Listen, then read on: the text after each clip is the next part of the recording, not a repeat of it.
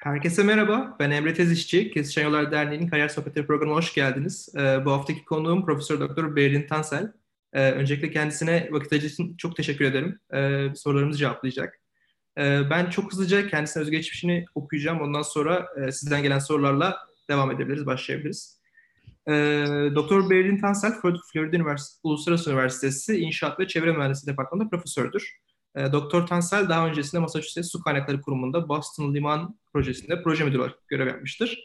Ayrıca Tufts Üniversitesi e, Çevre Yönetimi Merkezi'nde Amerika Kongresi'ne sunulan araştırma raporu çalışmıştır. E, Doktor Tansel 2009 Edmund Friedman umarım doğru telaffuz ettim. Tamam. Profesyonel doktor ödülü. 2007 yılında 2007 yılın mühendisi Amerika İnşaat Mühendisleri Topluluğu Miami Dade Kol tarafından Kikae de la Garza Fellowship, bunu da doğru okudum umarım. Ee, Tarım Bakanlığı tarafından Faculty Research Fellowship e, ve çeşitli fakülte öğretim ödülleri daha, daha dahil olmak üzere pek çok prestijli ödülün sahibidir. E, Doktor Tansan Amerika İnşaat Mühendisleri Topluluğu seçilmiş üyesi ve Amerika Su Kaynakları Mühendisleri Akademisi seçilmiş üyesidir. Bunların yanında Amerika'da Su Çevresi Federasyonu, Çevre ve Su Kaynakları Enstitüsü, Çevre Mühendisliği ve Bilim Profesörleri topluluğu üyesidir. Environmental Management ve Natural Hazards Review dergilerin editörlerindendir. Umarım atladığım bir şey olmadı. Sizin eklemek istediğiniz bir şey var mı? Yok, çok güzel. Çok güzel okudunuz her şey. Tamam. Teşekkürler. Ee, o zaman ilk gelen soruyla başlıyorum ben. Ee, özgeçmişiniz yayın açıklamasında var. Ben de az önce okudum fakat e, kısaca kendinizden ve çalışmalarınızdan bahsedebilir misiniz? Tabii ben Orta Doğu Teknik Üniversitesi'nden mezun oldum. Under uh, alt birinci derecem. Kimya mühendisiyim. Ondan sonra Fulbright bursuyla Amerika'ya geldim. Amerika'da master ve doktora yaptım. Wisconsin'de, Madison'da. Oradan mezun olduktan sonra Boston'da uh, o Boston'da çalıştım. Boston limanının temizlenmesi için büyük bir proje vardı. Envar çevre uh, devletin verdiği bir projeyle. Orada çalıştım. Orada aynı zamanda bir süre özel şirketlerde çalıştım.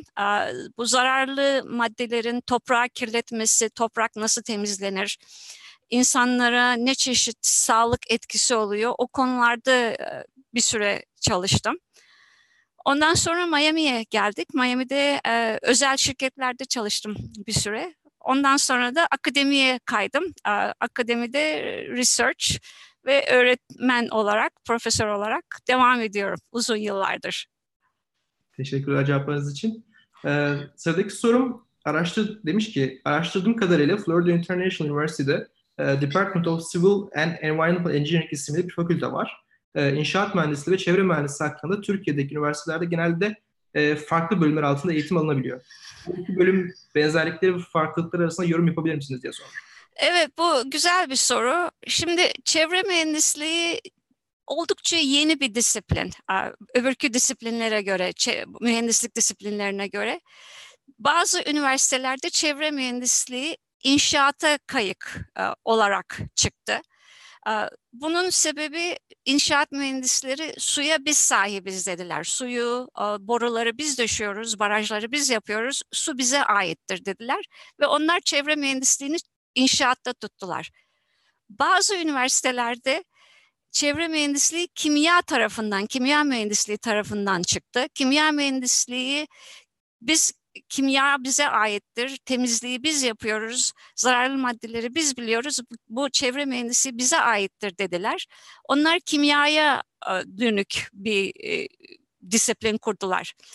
Zamanla bazı üniversiteler bu iki disiplini ayırdılar çevre mühendisliği büyüdükçe bazı duruma göre bazı üniversitelerde çok büyüdü.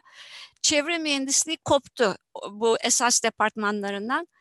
Ama bizim okulumuzda kimya mühendisliği yok. Kuvvetli bir inşaat mühendisliği var. Ve bulunduğumuz yer sebebiyle Miami'deyiz. Su bizim okyanusa olan kıyımız çok büyük ve çevre çok önemli bir konu. Onun için çevre inşaatın içinde biraz a, oluşmaya başladı ve zamanla yeni bir bölüm kuruldu. Biz a, buradaki pek çok bölüm bizim okulumuzda a, mesela makine mühendisliği materyal materyal mühendisliğini de içinde tutuyor. Elektrik, elektrik ve elektroniği içinde tutuyor. Bizde de bizim bölümümüz çevre ve inşaatı içinde tutuyor. O şekilde daha iyi bir fakülte arasında daha iyi bir komünikasyon olabiliyor. Daha iyi çalışabiliyoruz. Bilmiyorum cevap verebildim mi? Tabii, teşekkürler tekrardan. Ee, sıradaki sorum, alanınızın en çok hangi yönlerini seviyorsunuz? Ee, ne tür işler yapmaktan hoşlanıyorsunuz diye sormuş. Çevre mühendisliği esasında çok enteresan bir meslek. Ben e, kimyadan, kimya mühendisliğinden geldiğim için daha çok zararlı maddeler, zararlı artıklar, e, bunların zamanla ne çeşit e, kaderi ne oluyor? Yani nereye gidiyorlar? Sonunda toprağa mı gidiyorlar? İnsanlarda nasıl birikiyor? O konular burada risk assessment diyoruz. Tehlike analizi oluyor herhalde. Nasıl sağlık bakımından etkisi ne oluyor? O konular benim çok ilgimi çekiyor. Şeye medis sağlık şirketleriyle daha iyi çalışmalar yapabiliyoruz. Bunun dışında burada çok fazla yağ döküldü. Meksika körfezinde büyük bir yağ dökümü oldu. Ondan sonra çok büyük bir proje aldım. O proje de çok ilginçti. Yağ ve suyu arıtma konusu.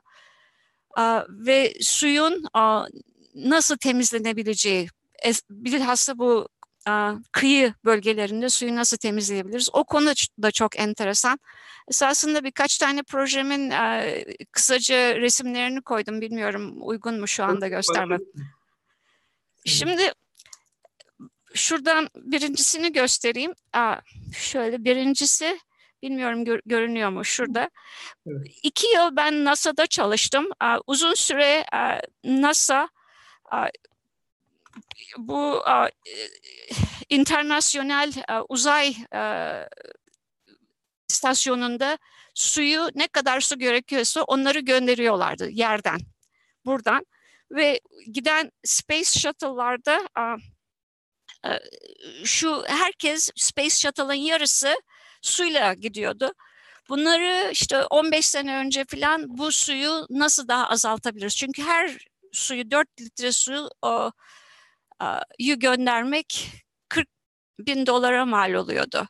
Türk parası ne oluyor bilmiyorum. Çok pahalıya mal oluyordu. Bir dört litre su bir insanın bir günlük su ihtiyacı bile değil. Onun için ben o projede çalıştım filtrelerle. Ondan sonra çalıştığım proje şu bu su yağlar okyanusa dökülmüştü. Hani bu acaba? Efendim? BP'nin British Petroleum. British. Bu evet BP Petroleum su dökülünce okyanusa çok büyük bir olay oldu ve bu olayın etkileri işte hayvanlarda, balıklarda ve insanlarda çok büyük bir tepki yarattı. Oradan bayağı bir bir research, bayağı bir araştırma yaptık. Nereye gidiyor? Bu okyanusta aşağıya mı batıyor? Ne kadarı havaya gidiyor? Havadan solunumla ne kadar insanlara gidiyor? Balıklarda nasıl birikiyor? Mesela balıkların gözleri bu şeyi okyanusta dökülen yağları dağıtmak için sabun gibi bir malzeme kullanıyorlar. Surfactant diyoruz. Sabun, sabun yağ eritiyor. O yağ eritince tabii balıkların gözlerinin üzerinde, balıkların vücudunda da yağlar var. O yağları da eritiyor. O değişik tepkiler yaratıyor. Balıkların bir kısmı kör oldu. Kör olunca yani bayağı büyük bir etkiler oldu. Kuşların da yağları var. Kuşların da üzerinde. O yağları da alıyor tabii bu malzeme. Kuşlar suya dalıp çıktıkça. On, o proje bayağı enteresandı. Ondan sonra şöyle bir projem oldu. Şunu göstereyim. Bu siloksein diyoruz. Siloksein değişik yerlere mesela yüzeylere e, sıkılıyor. Bunun özelliği e, suyu atmak. Normal tabii malzemeler suyu tutuyor birazcık. Suyu tutunca mikroorganizmalar büyüyor üzerinde. Bunu sürdüğünüz zaman neye sürerseniz işte tahtaya, kumaşlara, saçınıza nereye sürerseniz o moisture'ı dışarıda tutuyor. Moisture dışarıda tuttuğu zaman mikroorganizmalar büyümüyor tabii ve yüzey temiz kalıyor. Ama bu malzemeler atılınca artıklar bir yerde birikince bu gazı kullan kullanıyoruz. Metan gazı çıkıyor. Ama gaz çıktığı zaman bu malzeme böyle eh, tuz gibi bir artık bırakıyor. Bu artığı bırakınca bu enerji makineleri, türbinler bozuluyor hemencecik. Onun için o projeyle çalıştım bir süre. Daha sonra şurada şunu. Daha sonra çalıştığım proje, şu anda çalıştığım proje corrosion projesi. Bu corrosion'la ilgili suyun altında kalan steel, işte inşaat mühendisliğinde olduğumuz için çelik malzemeler var köprülerin yapıldığı ve bu malzemeler çok çabuk bir şekilde paslanıyor. Paslanmasın diye bir katodik protection diyoruz. Katodik protection oluyor. Ak akıntı yani elektrik akım akımı veriliyor. Fakat onun üzerinde deniz ürünleri, midyeler falan büyümeye başlayınca altında anaerobik oksijen olmayan bir environment, bir çevre, bir, bir, bir conditionlar yaratılıyor. Öyle olunca corrosion, bu paslanma olayı devam ediyor. İşte bununla ilgili şu anda enteresan çalışmalar yapıyoruz bu corrosion'ı nasıl önleyebiliriz diye. Bu, bu da enteresan bir projeydi. Bu da gene yağlarla, yağlarla yüzen yağları üzerine um, kum koyarak suyun altına nasıl batırabiliriz? O konuda çalıştık ve suyun altına şu şekilde batıyor. Bilmiyorum şurada görüyor musun? Suyun altına battığı zaman pardon suyun altına battığı zaman böyle yağlar kumla birlikte batıyor. Suyun altında yağları kontrol etmemiz daha kolay. Suyun üzerinde kontrol edemiyoruz çünkü akıntılarla oraya buraya gidiyorlar ve çok hızlı buharlaşıyorlar. Suyun altına batırdığımız zaman suyun altına böyle bir kepçe gibi veya torba gibi bir şey koyup onu kontrol etmemiz daha kolay oluyor. O yani bu konular her her konu çalıştığım her konu beni bana çok ilginç geldi söylediğim gibi hepsi birbiriyle biraz farklı ve a, hiçbir zaman a, sıkılmadan enter, enteresa olarak her konuyla her çalıştığım projeyle çok çok e, zevk duydum. Çok teşekkürler. Gerçekten her proje çok hayati bir öneme sahip e, konular ve çok önemli konular. E, katkınız için ben kendi ve izleyenlere de teşekkür edeyim şimdiden. Ee, diğer bir sorum, bir akademisyen olarak sek, e, sektörden birçok kurumla çalışmışsınız diye. Evet. Ee, çevre mühendisliğinde akademiyi ve akademi dışındaki kurumları çalışma ortamı olarak karşılaştırabilir misiniz demiş. Tabii. Şimdi önce özel şirketlerde çalıştım ben. Özel şirketler 9-5 arası veya 8-5 arası gününüz bitiyor. Belki sizin konunuzda bitmez ama pek çok özel şirketlerde eve gittiğiniz zaman iş bitmiş oluyor. Yani program yazmıyorsanız. Devlet şirketinde çalıştım. Devlet şirketlerinde de öyle. Projeyi idare ediyorsunuz, proje idaresi ve o bir programa göre değişik işlerin değişik zamanlarda yapılması gerekiyor. Akademide kendiniz kendinizin a, bossusunuz. A, o bakımdan a, size şunu yapacaksın, bunu yapacaksın diyen fazla birisi yok. Kendiniz istediğiniz şeyleri yapıyorsunuz ama 9-5 işi değil. Akademik iş 9-5 işi değil. Eğer ben eve gittiğim zaman benim işim bitecek diyorsanız e, akademi size göre değil akademide hele şimdi devamlı talebelerden sorular geliyor. Proje yazmak için raporlar, işte proposal'lar yazıyorsunuz, sunumlar yapıyorsunuz. Bu, bu işler 9-5 yaparsanız çok başarılı ol, olunmuyor akademide. Birazcık daha fazla koymak gerekiyor. Ama akademinin işte verdiği bu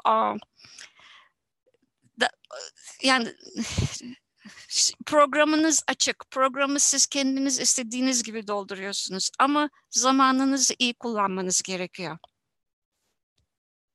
Bilmiyorum cevap verebildim mi? Teşekkürler tekrardan. Bence güzel bir cevap oldu. Ee, sıradaki sorum, sizce günümüzde teknolojinin ilerleme hızını ve geldiği noktayı düşünürsek, e, insanlar, insanlığın dünyaya, çevreye ve diğer canlılara zarar vermeden yaşaması ve gelişmeye devam etmesi mümkün mü diye sormuş. Bu çok enteresan bir soru. Esasında bu ah, 6 milyonluk soru derler ya ama 6 milyon artık ah, az bir miktar. Bence bu 6 bilyonluk soru.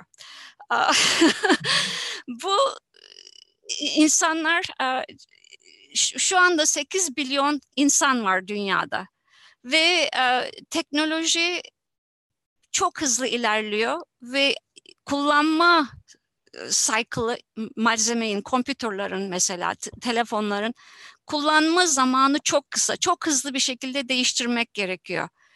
Şimdi bir konu var endangered elements diyoruz buna. Endangered'ın yavaş yavaş kaybolan elementler.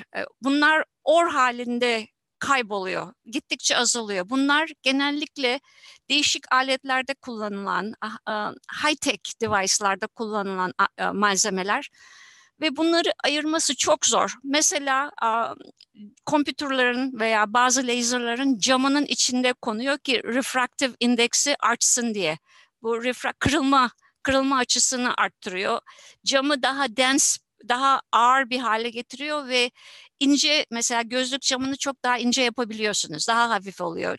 Çok çok kendisine göre çok faydalı e, olabiliyor bu çeşit e, kullanılma tarzları. Ama sonra onu, o malzemeyi gözün camın içinden çıkarması imkansız. Şimdi şu anda 15-20 tane elementin maden olarak miktarının bundan sonraki 50-60 yıl içinde hemen hemen biteceğini düşünüyoruz. Ve onun için bir takım yolların, bir takım şeylerin bulunması gerek. Ve çok büyük bu şu anda baskı var. Başka bir baskı da plastikler, plastik veya mesela bu siloksein dediğim malzemeler. Bunlar insanların yaptığı malzemeler, tabiatın yaptığı malzemeler bozulup gidiyorlar. 100 yıl, 200 yıl kalmıyorlar. Bir ağaç, en büyük ağacı kestiğiniz zaman o ağaç tahta 50-60 yıl sonra kaybolup gidiyor. Ama insanların yaptığı bu sentetik malzemeler bunların ömürleri 200 yıl, 300 yıl, 500 yıl plastiklerin bilhassa.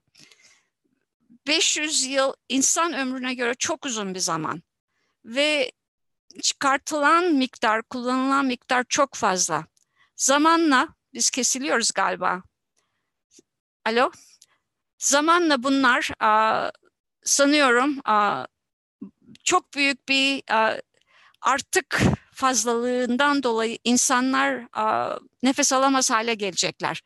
Şimdi bu bunlar çok enteresan konular. Bunlar şu andaki ve gelecek birkaç neslin yapacağı çalışmalar. Şu anda biz bunları fark ettik, başladık. Ama bunlar bir neslin çözeceği problemler değil. Amerikan Akademi, bu Science Akademisi 10 tane büyük challenge, büyük challenge'ın Türkçesini hatırlayamıyorum. Büyük sorun. büyük evet. sorun, çok büyük sorun. Böyle çözümü çok zor sorun. Bunlardan bir kısmı bu bu çeşit şeylere yönelik. Malzemeler, bazı malzemeler bitiyor. Ve bizden sonraki nesiller bunu hissedecekler. Biz şu anda hissetmiyoruz ama bizden sonraki nesiller bu malzemelerin azaldığını ve gittikçe daha da pahalı olduğunu hissedecekler. İşte onlar bu aynı zamanda bunlar politika ile ilgili konular. Yalnızca mühendislik değil politika da giriyor. Bu malzemeler nerede? Bunları kim kontrol ediyor? Bunlar da yani enteresan alanlar ve tek bir disiplin bunu çözemeyecek. Bunun için ekonomiste de ihtiyacımız var. political science'da çalışan insana da ihtiyacımız var. Bunlar büyük büyük problemler. Ama soru çok güzel bir soru. Teşekkürler. Bunun aslında bir takip sorusu var. E, doğaya daha fazla zarar vermemek için e, ek olarak nasıl önlemler alınabilir? E, bu konuda bireylere, bizlere sorumluluk olarak neler düşüyor diye sormuş. Şimdi çok büyük bir araştırma şey etkisi var şu anda. Closed loop diyoruz. Closed loop kapalı devre. Kapalı devre. Bu kapalı devre şeklinde nasıl kullanabiliriz? Bir şeyi kullandığımız zaman onu tekrar nasıl bir recycle edip nasıl tekrar sisteme sokabiliriz? Bunu bazı şeylerde yapmak mümkün. Bazı bazı malzemelerde yapmak mümkün değil. Onun için şimdi bizim yavaş yavaş bu neyi azaltabiliriz? Neyi daha daha uygun bir şekilde kullanabiliriz? Ona yönelik bazı şu anda bazı çalışmalar var. Bunların bazısı daha ziyade halka dönük, halkı nasıl eğitebiliriz? Bundan sonraki nesli ilkokullardan başlayarak nasıl yöneltebiliriz? Bunları bunları anlamaya. Bazı yerlerde Amerika'da mesela bilmiyorum Kaliforniya'da daha fazla sanıyorum plastikler yavaş yavaş kayboluyor plastiğin yerine başka değişik malzemeler kullanılsın diye bazı akın şeyler var, bazı yönelik bazı şehirlerde. Elektriği mesela işte daha ziyade güneşten gelen enerjiyi kullanalım diyoruz. Bazı bazı kültürel şeyler yavaş yavaş değişiyor. Ama bu, bu bunların tamamen kapalı devre haline gelmesi kolay bir olay değil bu, o, bu yıllar sürecek, bu birkaç nesil sürecek ama sonunda birkaç nesil sonra umuyorum ki olacak. Bu da güzel bir soruydu. Teşekkürler cevaplarınız için. Ee, sıradaki sorum Amerika'da çevre mühendisliği alanında doktor yapmak isteyen öğrencilere tavsiyeleriniz nelerdir? Ee, aslında birkaç soru var. Teker teker gidelim. İlk önce bununla başlayalım. Şimdi tavsiyelerim biraz İngilizceyi bilmek gerekiyor burada İngilizceyi bilmeden gelenler de ol, oluyor ama İngilizceyi bildiğiniz zaman bayağı bir kolaylık oluyor. İkincisi hangi okula e, gidebileceğiniz en iyi okula gitmek lazım. Yani e, buraya gideceğim, Amerika'ya gideceğim, ille de Amerika'ya gideceğim diye kötü bir okula gitmek e, olmuyor. Gidebileceğiniz en iyi okul, en iyi okul ismi bilinen bir okula gitmeniz gerekiyor ve orada yani herhangi bir okula da gidebilirsiniz ama orada birkaç hocayı, profesörü bakın bu ilgilendiğiniz konulara göre herkesin konusu değişik. Çevre mühendisliğinde havayla ilgili çalışan var, suyla ilgili çalışan var, toprakla ilgili. Hangi konu ilgi görüyorsa size size göre hangi konu ilginizi çekiyorsa ona göre bakın ve o profesör Google'dan bakın, search edin birazcık araştırın. O, o profesör ne çeşit şeyler yapıyor, ne iş yapıyor, neler ne çeşit yayınlar yapıyor ve onunla e-mail şu anda bunları yapmak kolay. E-mail atın. Ben pek çok yabancı talebelerden e, günde 50 tane e-mail alıyorum. Türklerden fazla almıyorum. Hintlilerden alıyorum, Çinlilerden günde 50 tane. Bu konuda sizin şu yayınınızı gördüm, gelmek istiyorum bu konu sizin konunuz benim işte beş yıldır çalıştığım konu böyle e-mailler atıyorlar. Bu konuda devam etmek istiyorum. Baktığım zaman rezemi o konuyla ilgisi olmayan birisi çıkıyor. Ama o şekilde hiç vazgeçmeden her gün her hafta bana e-mail gönderiyorlar. Bu bu devamlı vazgeçmeden, yılmadan bu profesörlerle irtibatı devam ettirmek gerekiyor. Vazgeçmeden cevaplar önce olumsuz gelecek. Olumsuz geldiği zaman tek tek önemli şey hiç morali bozmadan bir hafta bekleyip bir hafta sonra tekrar o e-maili o profesöre göndermek. Bunu yapınca sonunda bir şekilde oluyor. Ama yılmamak lazım. Benim tavsiyem o. Yılmadan birkaç kişiyi de, e, tan, tanıyıp o profesörlerin sizin isminizi hatırlayacak hale gelmesi lazım o e-maillerle. Çünkü bir yerden sonra profesör diyorlar bana size beş tane e-mail gönderdim. Ben de diyorum beş tane e-mail göndermiş bari bir şeyler yapayım artık. Yani o, o önemli bir olay. Peki sizin Amerika'ya gelişiniz nasıl olmuştu? Ee, ona bahseder misiniz? Ben Fulbright'la geldim. Fulbright ben um, kimya mühendisliğinden mezun olduğum yıllarda çevre mühendisliği yeni bir konuydu. Çevre mühendisliği yeni kurulmuştu Orta Doğu'da. Kimya mühendisliğine grant para vermiyorlardı Fulbright'tan. Birkaç konu seçilmişti. Çevre mühendisliği o zaman seçilen konular arasındaydı. Baktım benim konuma uygun. Ben de Amerika'ya gelmek istiyorum. Fulbright imtihanına girdim. O zaman imtihanlıydı, şimdi nasıl bilmiyorum. Ondan sonra birkaç üniversiteden bana kabul mektubu geldi. Sonunda Wisconsin'e gittim. Wisconsin bana işte asistanlık verdi. Öğretim asistanlığı, araştırma asistanlığı oldu sonunda. So, o şekilde oradan başladım. Teşekkürler. Ben aslında kişisel bir soru sormak istiyorum. Gelen sorular var da yine de ha. benim merak ettiğim bir konu var bu alanda.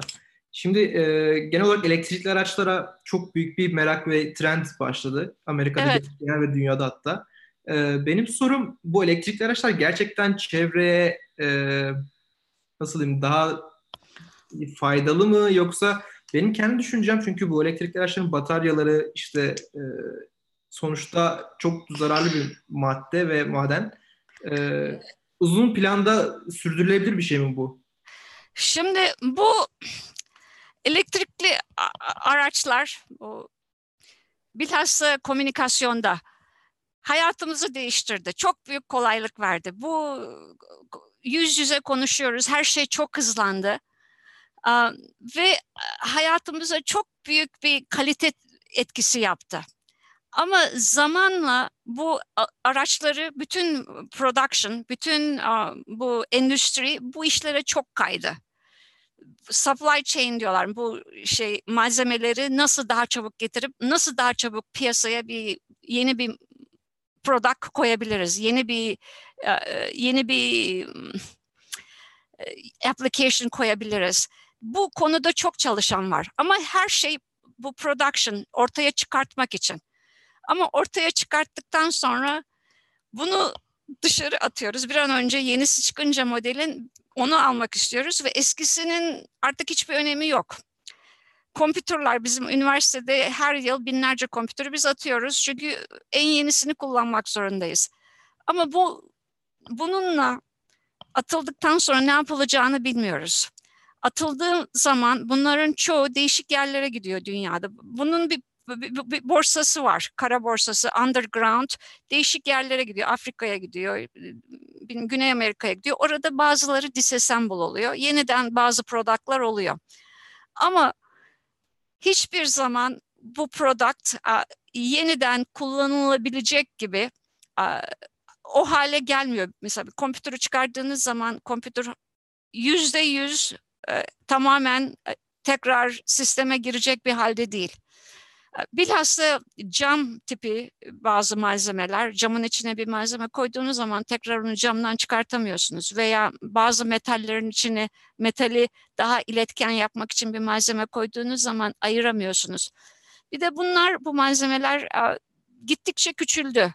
Gittik, şimdi artık her şeyi basıyoruz. Yani devreleri basıyoruz bir şeyin üzerine ve basıldıktan sonra o onu artık oradan ayırması çok zor. O production sistemi çok çok verimli bir halde şu anda. Ama bunu dağıtması da dağıtma da çok verimli productları ama bunları toplama ve bunları yeniden ayırıp tekrar sisteme sokma öyle bir sistem yok. O, o sistem zamanla olacak. Ona çok büyük ihtiyaç var. Ama ne zaman olacak, nasıl olacak onu henüz bilemiyoruz. Ve bir de bu da bütün dünyayı, bütün herkesin dünyadaki herkesin buna yönelik düşünmesi lazım. Şimdi bütün dünyada mesela Haiti'ye gidiyorsunuz. Haiti'de elektrik yok ama wireless internet var. Telsiz internet var. Oradaki adam bu teknolojiyi kullanıyor ve bu teknolojinin işi bittiği zaman, yenisine geçtiği zaman eski teknoloji orada bir yerde atılıp kalıyor çöp olarak. Ve onu yeniden sisteme sokmanın imkanı yok. Kap Bağlantımız devam ediyor mu? Biraz. Bağlantımız devam ediyor mu?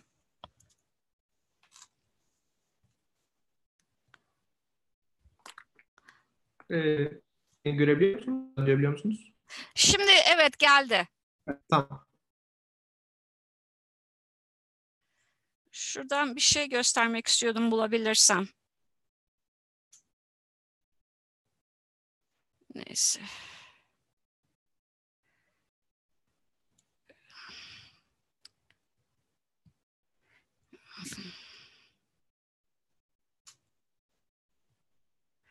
Şimdi şunu gösteriyorum size. Bilmiyorum biraz ters gözüküyor ama bu teknolojinin teknoloji bu 20. yüzyıla geldiğimiz zaman bu kadar hızlı bir şekilde ilerliyor teknoloji. Buraya kadar yavaş yavaş ama buraya geldiğimiz zaman çok büyük ve burada görüyoruz işte mobil en son yıllarda internet, mobil, PCs ve bunların verdiği ben şunu şunu göstereyim benim bir presentation'ımdan koymuştum. Bilmiyorum görüyor musunuz?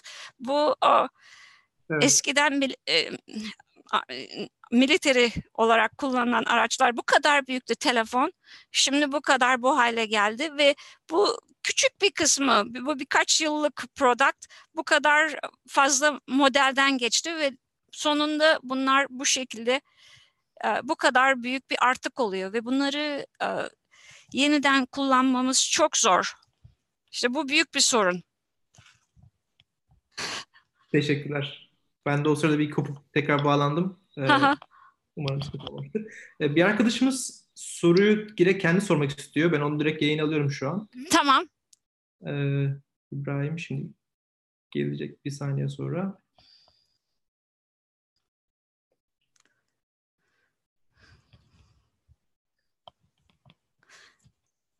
İbrahim gelirken şunu da... Hatta ben...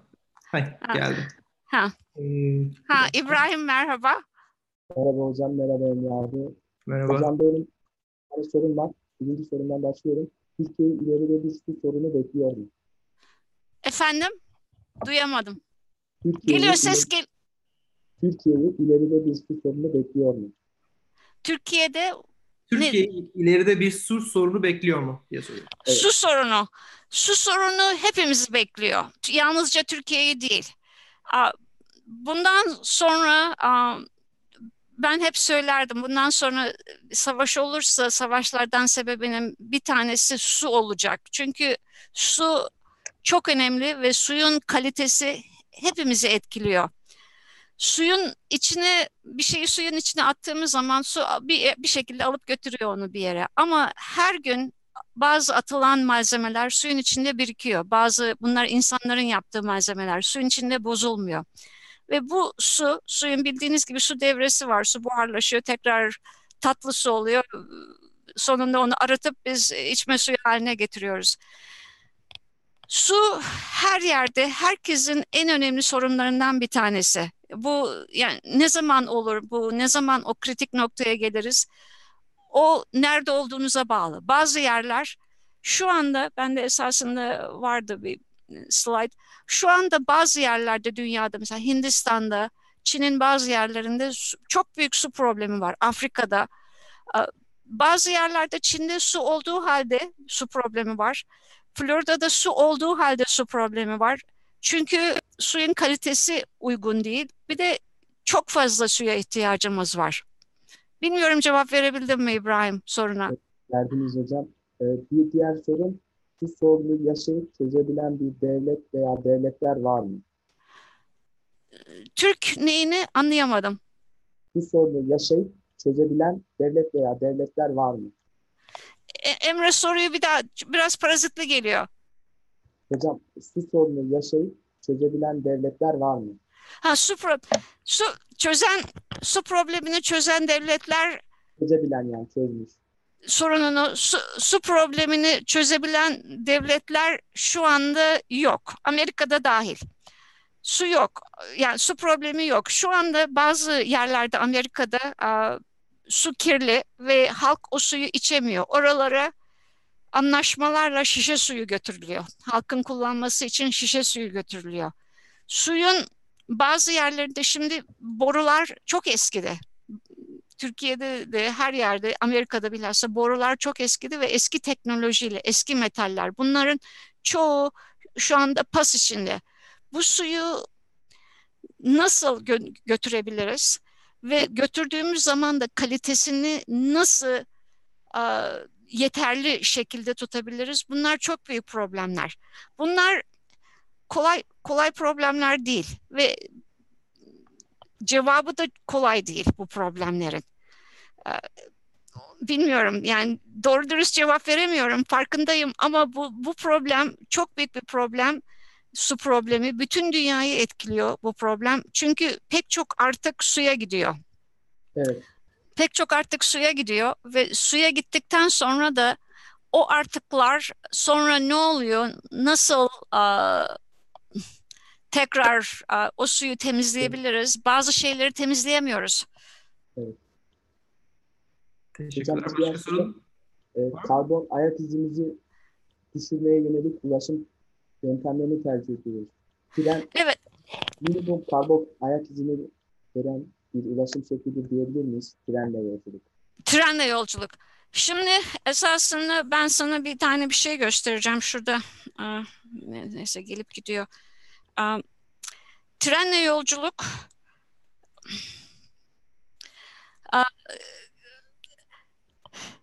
Şimdi Amerika'da da gene yavaş yavaş daha bu karbon ayak izini azaltmak için nasıl daha efektif bir şekilde ulaşım yapabiliriz? Bu, bu, bu da çok güzel bir soru esasında İbrahim sorduğun soru. Bunlar dediğim gibi 6 milyonluk sorular.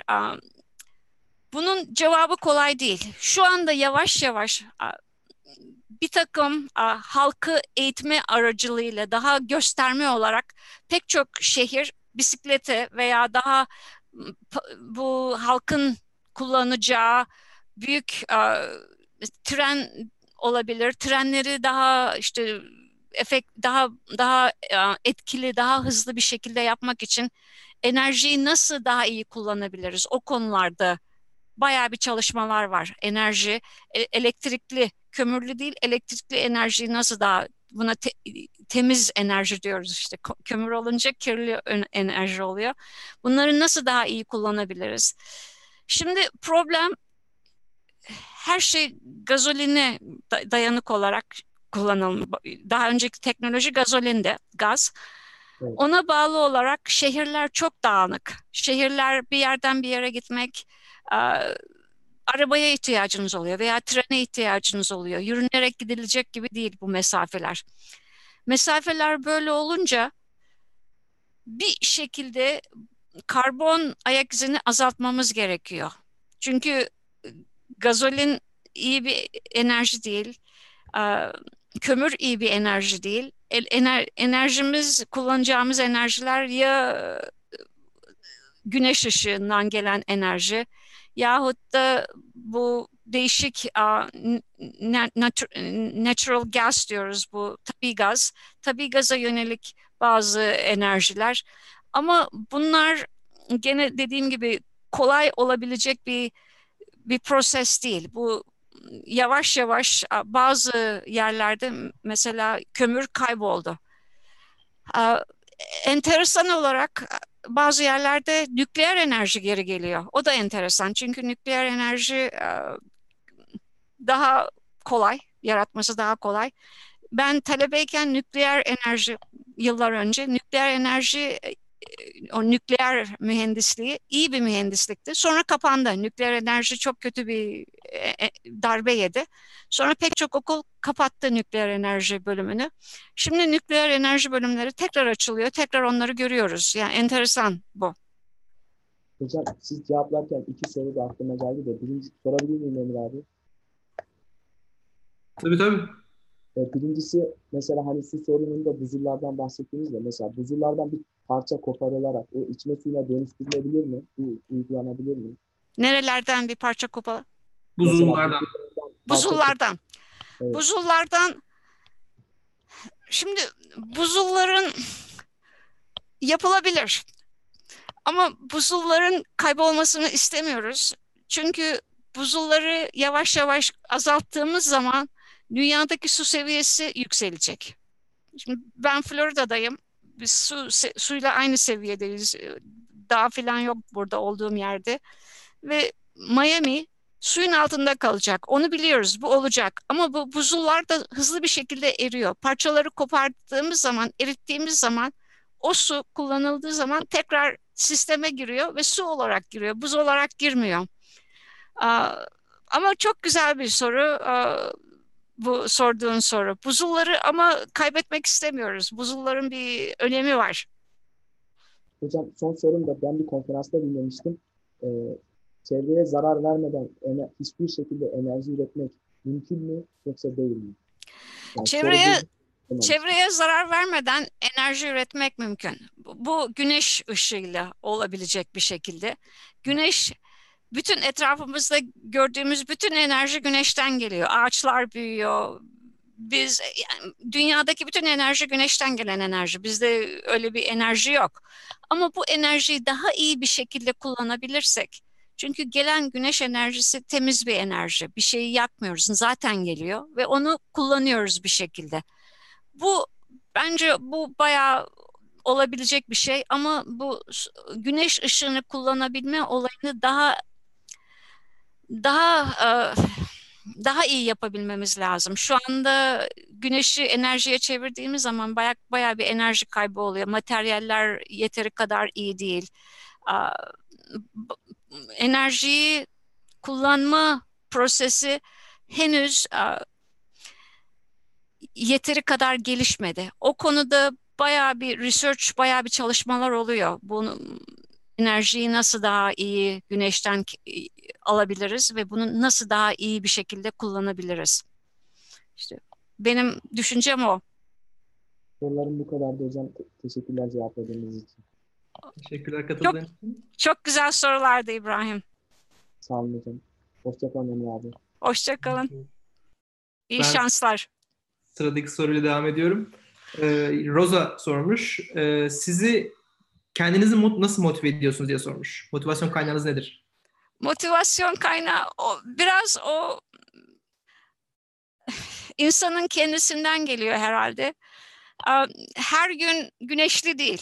Onu bir önce kabul etmeniz lazım. Her gün güneşli, yağmurlu gününüz de oluyor, soğuk gününüz de oluyor ve bundan bunu söylememin sebebi her gün her şey yolunda gidecek diye bir şey yok iyi gün de oluyor, kötü gün de oluyor. Ama kötü bir gün olduğu zaman motivasyonunuzu kaybedeceğiniz gibi olduğu zaman hemen onu o, o dust'ı böyle silkeleyip hemen tekrar oyuna girmeniz gerekiyor.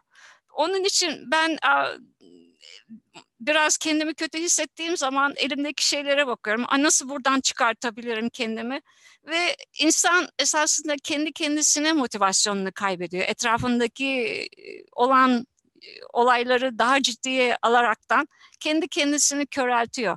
O ben kendimi motive motive, motive etmek istediğim zaman research projelerini yani projelerim çok e, enteresan geliyor bana ama bu mizaca bağlı bir olay. E, insanın kendi e, kendisinden gelen bir olay.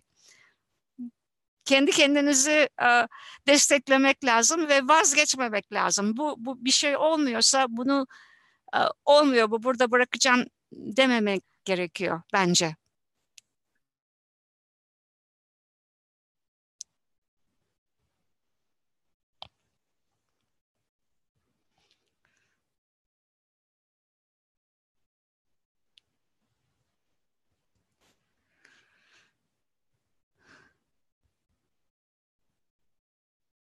Emre?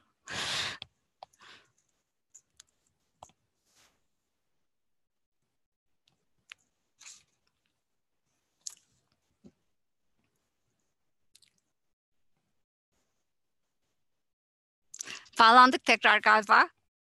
Evet az önce tekrardan koptum ben. Tamam. Şu an duyabiliyor musunuz? Görebiliyor musunuz? Evet evet çok güzel. Çok güzel. Tamam kusura bakmayın. Tamam. Ee, ben sıradaki soruyu sorayım o zaman. Ee, kariyeriniz boyunca birçok ödül almışsınız. Sizce başarınızda en çok payı olan faktör nedir, nedir diye sormuş. Başarı... Ben ödül almak için çalışmıyorum esasında. Çalışmayı seven birisi olduğum için belki çalışıyorum. Ama insan yaptığı işten zevk alıyorsa yoksa zevk mi alıyorsunuz yoksa çalışıyor musunuz belli olmuyor. Aa, Ödüllerin aa, ödülleri almak için biraz da network yapmanız gerekiyor. Mesela bakıyorsunuz ödül bir- birisi bir ödül almış.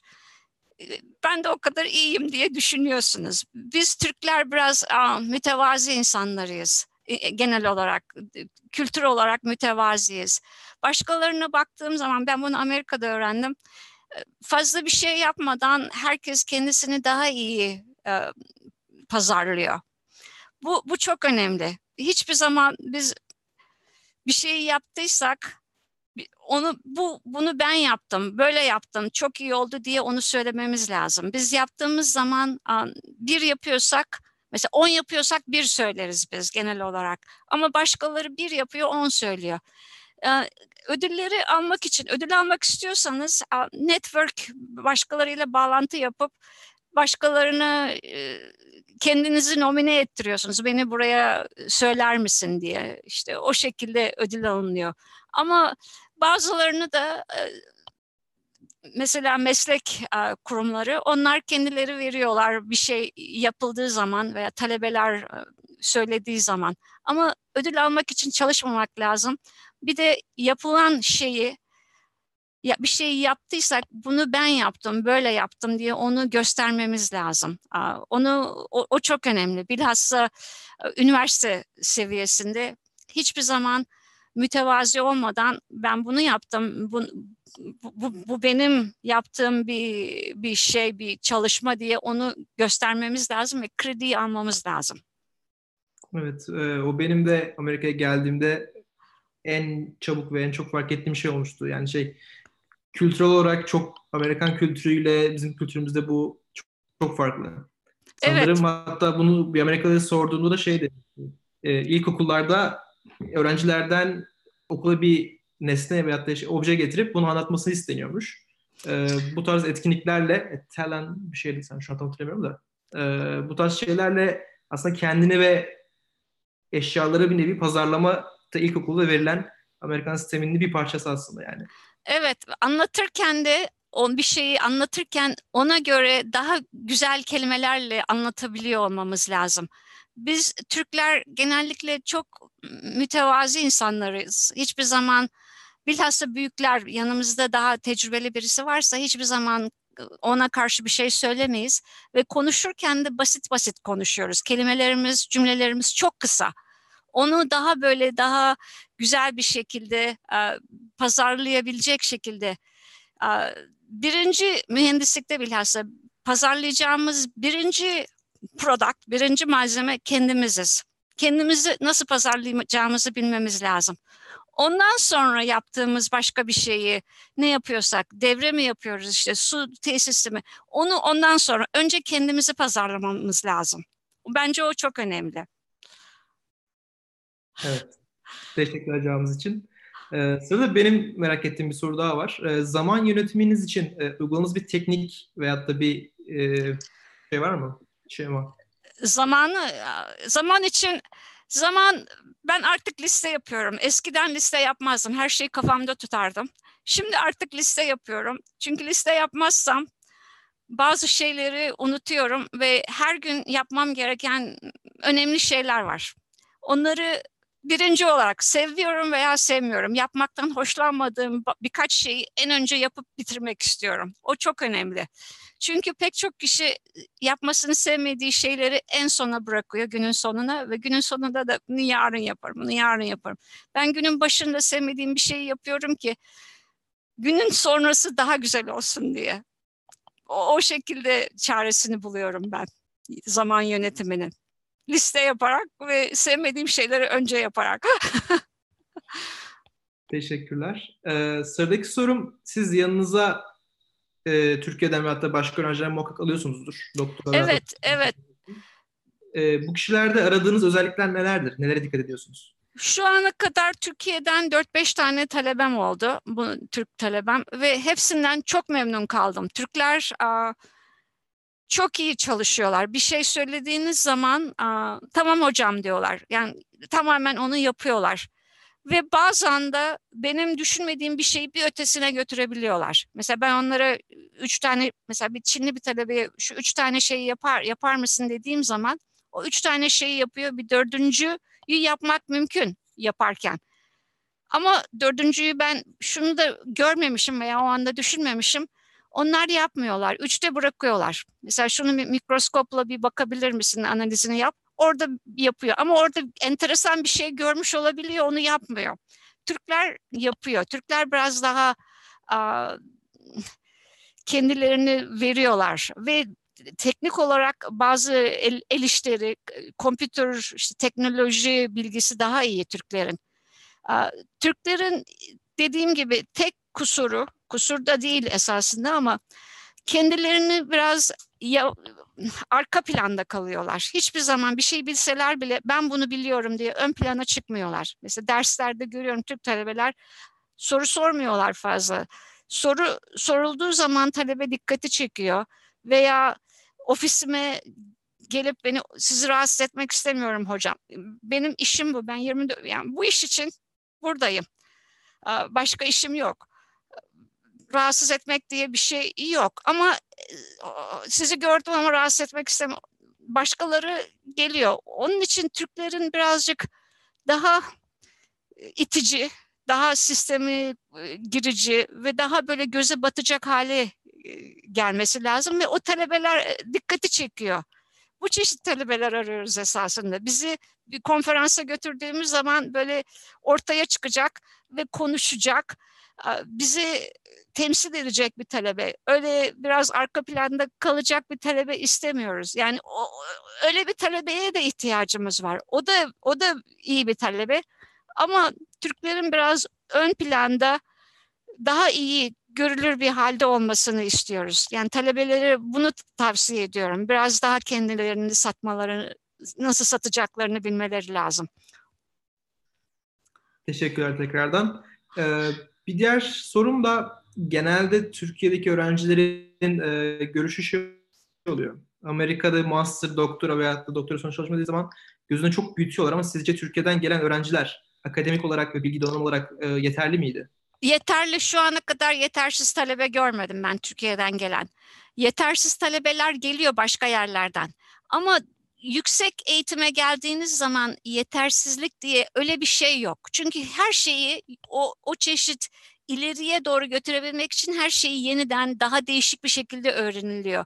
Onun için ben bu konuda yetersizim, bu konuda iyi değilim.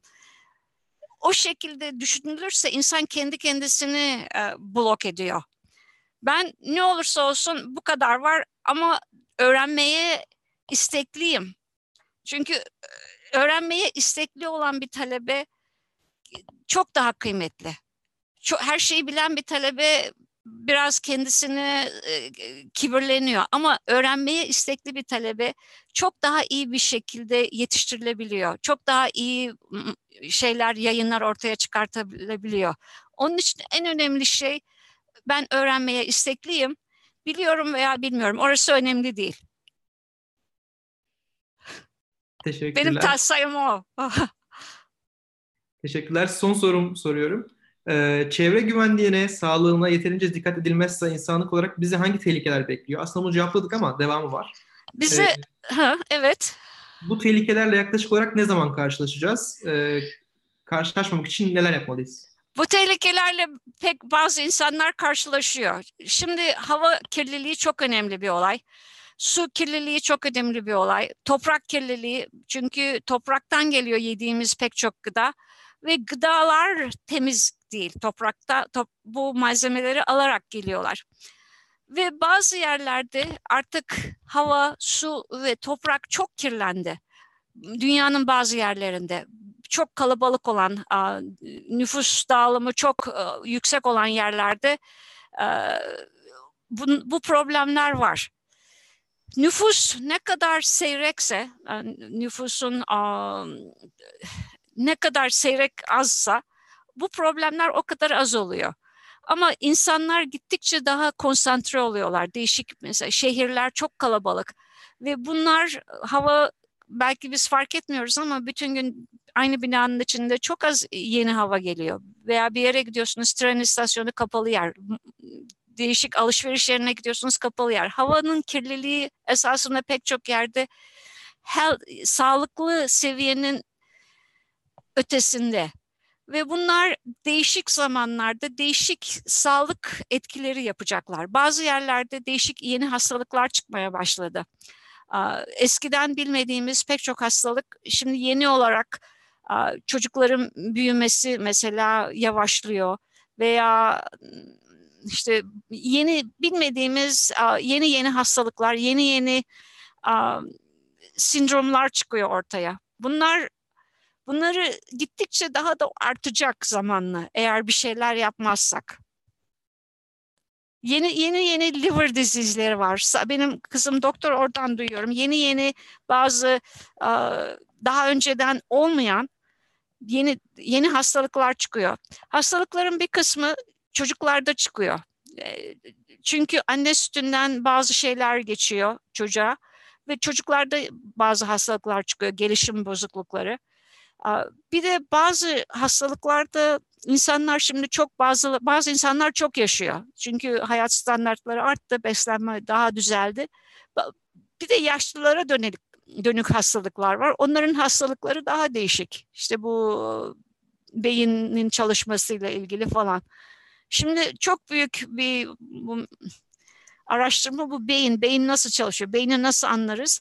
Ve beyinle yiyecek sistemi, bu sindirim sistemi bağlı esasında. Beyine giden kan bir şekilde vücudumuzdan geliyor ve bu sindirim sistemi ve beyin bu konular şu anda bayağı bir e, ilgi gören konular. Bunu bunları hala anlamıyoruz. Yani beyin nasıl çalışıyor, sindirim sistemi nasıl çalışıyor ve değişik yerler nereye, beyinde nereye gidiyor ve nerelerde birikiyor. Bazı malzemeler beynin değişik yerlerinde birikiyor ve o zaman elektrik akımı çünkü beyin elektrik e, bir takım iyonlarla e, information oradan bilgi oradan buraya gidiyor. Bazı yerlerde akım birikme olduğu zaman o birikme bu konuşmayı bu azaltıyor ve beyin daha yavaş çalışıyor ve bu bunlar şu anda ilgi ilgi gören konular ve çok çalışılan konular. Yani konu biraz değiştirdim ama sağlıkla ilgili, çevreyle ilgili bazı kirlenme olaylarını şu anda görüyoruz zaten bazı bazı yerlerde. Anladım. Teşekkür ederim tekrardan. Ee, sonraki bir soru daha geldi. Ben bunu da iletmek istiyorum. Ee, lisans eğitimini bilgisayar mühendisliğinden sonra sizin alanınızla kesişen sektörde veya akademide ne gibi işler yapılır? Ee, daha doğrusu disiplinler çalışma sizin alanınızda önemli mi? Bilgi evet bu şimdi teknolojiyle ilgili bütün disiplinler, bütün mühendisliklere girdi ve çok çok istenen bir disiplin. Biz bilhassa bu kompütür, bilgisayar mühendisliği gibi olan kişileri bulmak istiyoruz ki çünkü çok fazla data var elimizde, bilgi var. Mesela bu bu bilgileri her şeyi monitör ediyoruz. 24 saat ve saniye başında yeni bir data. Bu dataları nasıl kullanabiliriz? Bu coğrafya bilgi sistemleri, bilgileri kat kat koyuyoruz. Mesela su su nerede, su yüksekliği nerede, nasıl büyüyor? O bitkileri, bilgileri bu Geographic Information System, Türkçesini bilmiyorum, coğrafya bilgi bilgi coğrafya bilgi sev, bilgi sayfalarını üst üste koymak için bir o çeşit o işleri yapabilen kişilere ihtiyacımız var. Ondan sonra enerjiyi daha efektif bir şekilde kullanmasını yapabilecek kişiye ihtiyacımız var çevre mühendisliğinde. Suyu daha iyi bir şekilde bilgisayar olarak kontrol edebilecek sensörlara O sensörün Türkçesini de bilmiyorum. Sensör, aynı. Sensör, sensörlere ihtiyacımız var.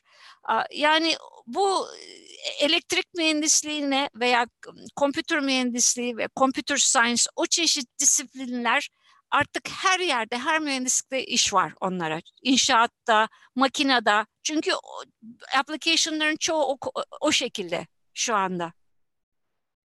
Çok teşekkür ederim. Ee, sorumuzun sonuna geldik. Bizim herkese sorduğumuz tek bir soru var en son.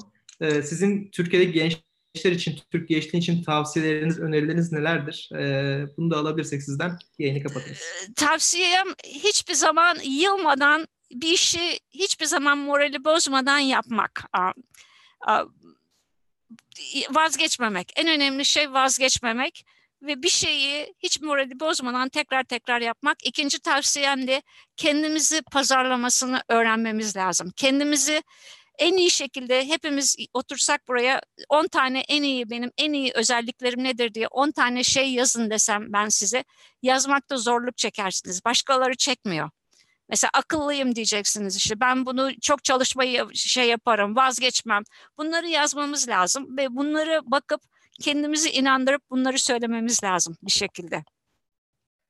Çok teşekkür ederim. Ee, hem vaktiniz için hem benim için çok keyifli, keyifli ve bilgilendirici bir sohbet oldu. Umarım sizin için de keyifli geçmiştir. Ben de memnun oldum.